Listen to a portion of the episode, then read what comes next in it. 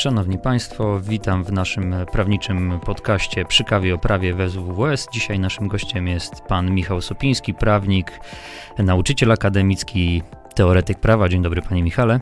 Dzień dobry panu. Chciałbym, żebyśmy poruszyli temat e, bardzo ciekawy, ale temat jednocześnie złożony. Chciałbym, żebyśmy porozmawiali o pozytywizmie, ale nie tym książkowym, znanym z XIX wieku, ale pozytywizmie prawnym, który też e, pod koniec właśnie XIX stulecia się kształtował, e, ale w kontekście jego porównania z naukami aksjologicznymi. Jakby na początek mógł pan wyjaśnić w ogóle te dwa pojęcia naszemu, e, naszemu, naszym słuchaczom, jakby mógł pan dosłownie w dwóch, trzech zdaniach, jak dla prostego Kowalskiego, czym jest pozytywizm prawny, a czym jest aksjologia? Myślę, że tutaj należałoby rozpocząć od e, zdefiniowania tego, czym jest e, pozytywizm, a czym jest e, moralność.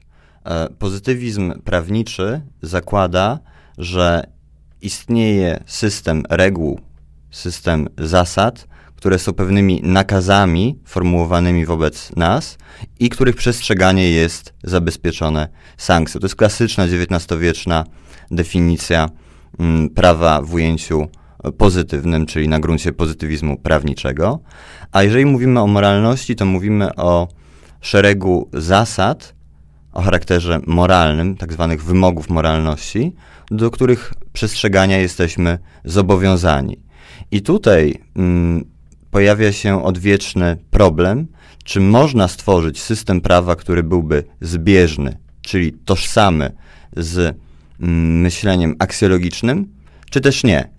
I odpowiedź, jaką e, stworzyli pierwsi pozytywiści e, XIX-wieczni, brzmiała: nie, nie można. Świat moralności jest oddzielny od świata prawa, tym samym prawo musi być odseparowane od moralności, a fakt, że coś jest dobre albo złe w ujęciu moralnym, w ujęciu aksjologicznym, nie ma żadnego wpływu na to, czy dane prawo obowiązuje, czy też ono nie obowiązuje. Dziękuję za, to, za, tą, za te proste definicje, bo to właściwie w pełni. E, myślę, dla naszych słuchaczy wyjaśnia, czym, czym są te jak gdyby dwa terminy. Właściwie w języku polskim, jakby się, jakbyśmy się chwilę zastanowili w taki semantyczny sposób, prawo, prawość, prawdziwy, sprawiedliwość to są wszystkie te terminy, które gdzieś ten wspólny źródłosłów swój mają. Semantycznie, o czym już dzisiaj trochę zapominamy, jednak język jest coraz prostszy e, i, i też e, z, zatracamy e, te takie prawdziwe, autentyczne znaczenia tego słowa. No właśnie wydaje nam się, że prawo, sprawiedliwość, no nie są to terminy które można uznawać za jednoznaczne, ale są to terminy ze sobą ewidentnie związane, tak? Jeżeli mówimy o kimś, kto jest prawy, to jest dobry, e, czyli prawo powinno być dobre. Czy w tym kontekście właśnie e, tak naprawdę pozytywizm prawniczy nie niszczy tego takiego cywilizacyjnego dorobku, który gdzieś tam w nas e, siedzi. Każdy z nas w chrześcijańskiej Europie, czy może w Europie zbudowanej na wartościach chrześcijańskich, bo ona chrześcijańska już dawno przestała być, e, tak naprawdę dekalog, który był pierwszym wykazem e, no, zasad takich moralnościowych, gdzie, co do których chyba nikt nie ma e, żadnych obiekcji, że nie można kogoś zabić, że nie pożąda się żony bliźniego swego. Oczywiście to są sformułowania archaiczne, ale jeżeli je spróbujemy e, zrozumieć przez współczesny język, no to właściwie to są, to jest takie 10 przykazań, które do dzisiaj może spokojnie obowiązywać, jeżeli z, każdych tych, z każdego z tych przykazań rozbudujemy pewien cały wachlarz e, e, rzeczy. Czy nie wydaje się to być oczywiste, że prawo powinno być sprawiedliwe? Prawo powinno być przede wszystkim e, słuszne, jak e, wskazują klasyczne e, definicje prawa, między innymi świętego Tomasza Zakwinu, ale pozytywizm prawniczy odrzuca właśnie myślenie prawno-naturalne, odrzuca myślenie, że normy prawa naturalnego związanego z ludzką naturą, z tego, że człowiek jest osobą, z tego, że jego wewnętrzna racjonalność, jego rozum nakazuje kierować się mu ku dobru, pozytywizm odrzuca te tezy. Pozytywizm zakłada, że prawo jest, ma swoje źródło w społeczeństwie, wynika z konwencji, z pewnej umowy społecznej i to ludzie na podstawie własnych umów dogadują się co do tego, jakie normy mają być przestrzegane na określonym terytorium. I oczywiście to, co Pan tutaj powiedział na temat pewnej wspólnoty, wspólnoty wartości, jaka była w Europie, która właściwie była nawet jeszcze 200 lat temu, 200-100 lat temu, e, ta wspólnota wartości, postrzeganie wartości jako pewnych obiektywnych cnót, które istnieją i na podstawie których człowiek e, jest winny się zachowywać, e, wówczas pozytywizm prawniczy jeszcze miał szansę się utrzymać, dlatego że e, obywatele, ludzie mieli w sobie pewien wewnętrzny katalog moralny, który wskazywał im pewien kompas, busolę, która wskazywała im, gdzie jest północ, gdzie jest południe, co jest dobre, a co złe. Ale w sytuacji, w której jesteśmy teraz, czyli e, zanik mm, obiektywnych wartości, a przynajmniej ich ogromny kryzys, coraz większa osób coraz większa liczba osób, które są e, relatywistami moralnymi, wskazuje nam, że e, często prawu brakuje pewnej podstawy, obiektywnej podstawy, która pozwala komuś, kto jest zobowiązany do jego przestrzegania, poczuć, że chce tego prawa przestrzegać. I tutaj możemy mówić o głębokim kryzysie pozytywizmu prawniczego, polegającym na tym, że brakuje pewnej podstawy, pewnej idei, pewnych wartości, które to prawo, prawo pozytywne, by urzeczywistniało, przynosiło na tekst prawny. I tym samym coraz częstsze będą sytuacje tak zwanego nieposłuszeństwa wobec prawa i nieprzestrzegania prawa, działania przeciwko prawu, bądź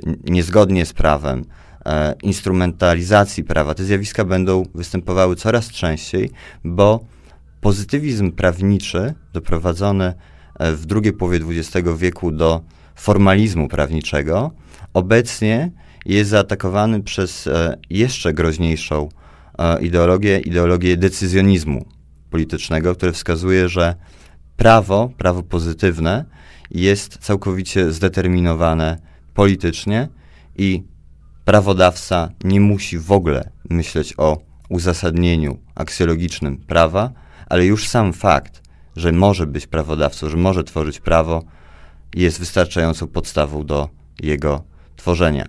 I tutaj wydaje mi się, że należy powiedzieć kilka słów o tym, co może być remedium na kryzys pozytywizmu prawniczego. I takim remedium jest właśnie powrót do sfery e, aksjologii. Istnieje taka e, koncepcja wiecznego powrotu do prawa naturalnego. Ona się pojawia najczęściej zawsze wtedy, kiedy prawo pozytywne nie wystarcza. Powiedzieliśmy kilka słów o reżimach totalitarnych, mówili, powiedzieliśmy kilka słów o, o rozliczaniu się z przyszłością, o sankcjach karnych za zachowania niegodne człowieka, sprzeczne z człowieczeństwem.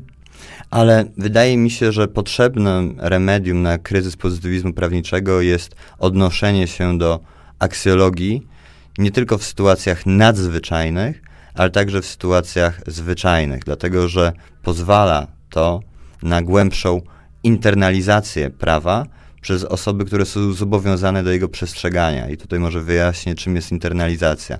Internalizacja to jest e, uświadomienie wewnętrzne sam, samemu sobie, że pewne normy, które nakazują nam się w dany sposób zachowywać, są naszymi normami. My się zgadzamy z tym, co jest nam nakazane e, do działania bądź niedziałania. To jest bardzo trudny temat, ponieważ jednak e, dalej e, w, i wydaje mi się i w naukach prawniczych no, dominuje jednak e, podejście pozytywistyczne. Mm, mamy też e, często w, nawet w kwestiach jakichś sporów e, między Polską a Unią Europejską w różnych kontekstach. E, często pojawiają się zarzuty o właśnie mm, trwałość e, instytucji państwa prawa, tak, to, to, pra, to samo prawo jest podstawą funkcjonowania tego państwa i to się w, wielokrotnie e, gdzieś tam w tych orzeczeniach e, TSUE e, również przewija.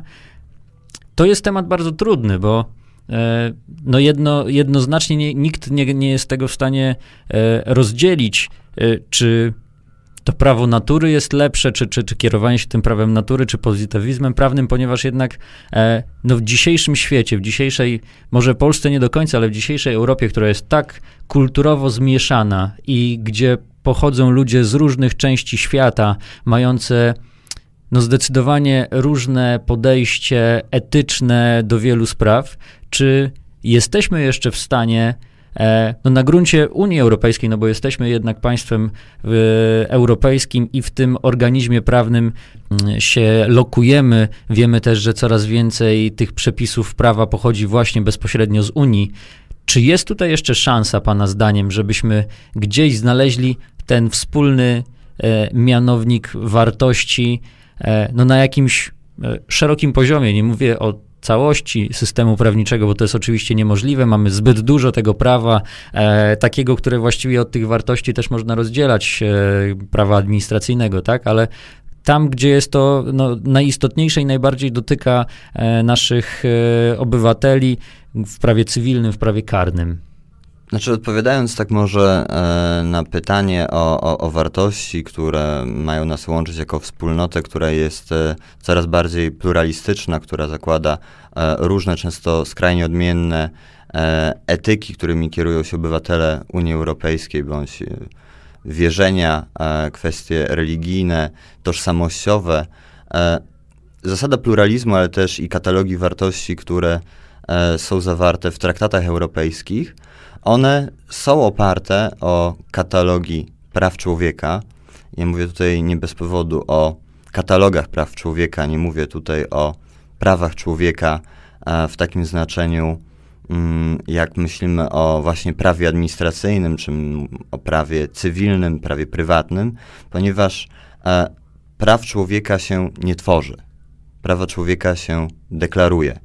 To jest pierwsza różnica. My stwierdzamy, że one obiektywnie istnieją i nawet współczesne katalogi praw człowieka e, to są często deklaracje. Mówimy o powszechnej deklaracji e, praw e, człowieka, czyli coś, co jest deklarowane, coś, co już wcześniej istnieje, a nie tworzone ex nihilo, z niczego.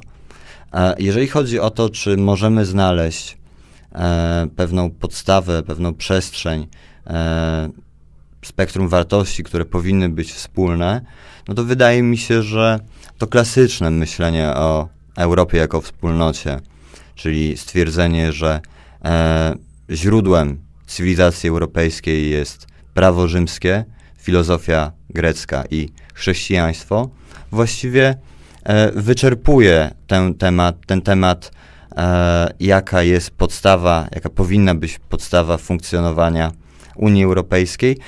Możemy to też zaobserwować e, na podstawie tego, kto był e, ojcami założycielami e, Unii Europejskiej. No nie bez powodu aktualnie toczy się postępowanie o heroiczności snut Roberta Schumana, jednego z założycieli Unii Europejskiej. Nie, na pewno tutaj należy stwierdzić, że był to polityk wybitnie chrześcijański i który właśnie na podstawie takich wartości widział współczesną Unię Europejską. Natomiast jeszcze może kilka słów na temat różnych sporów, które się toczą o prawo w obrębie Unii e, Europejskiej. Tutaj musimy zobaczyć, że prawo to jest także zjawisko językowe. Prawo jest e, w języku, jest napisane w języku i wszelkie spory toczą się także w tym języku. Czyli mówimy o tym, że prawo jest ukąszone semantycznie. A to oznacza, że spory prawników o prawo dotyczą właśnie tej warstwy językowej, rozumienia słów. Czym są rządy prawa? Czym jest sprawiedliwość? I problem polega na tym, że obecnie, współcześnie, te spory dotyczą wyłącznie słów, tego, co się kryje, jakie są desygnaty określonych pojęć, określonych terminów, a nie odnoszą się bardzo często do sfery wartości, a wyłącznie do znaczenia. A jeżeli osoby czy uczestnicy sporu mają odrębne katalogi wartości wewnętrzne, to poszukując znaczenia słów i kłócąc się o nie, prowadząc e, argumentację dotyczącą tego, czym jest prawo, czym jest e, praworządność, czym jest zasada rządów prawa, czym jest niezawisłość, niezależność, nie odnajdą wspólnego mianownika. Dlatego wydaje mi się, że wyjściem e, po, poza ten problem, który gdzieś paraliżuje współczesne instytucje e, prawne, instytucje Unii Europejskiej, jest odejście od kłótni o słowa i przejście do dialogu na poziomie wartości. Dziękuję bardzo. Państwa i moim gościem był e, pan Michał Sopiński, prawnik, wykładowca akademicki. Dziękuję panie Michale.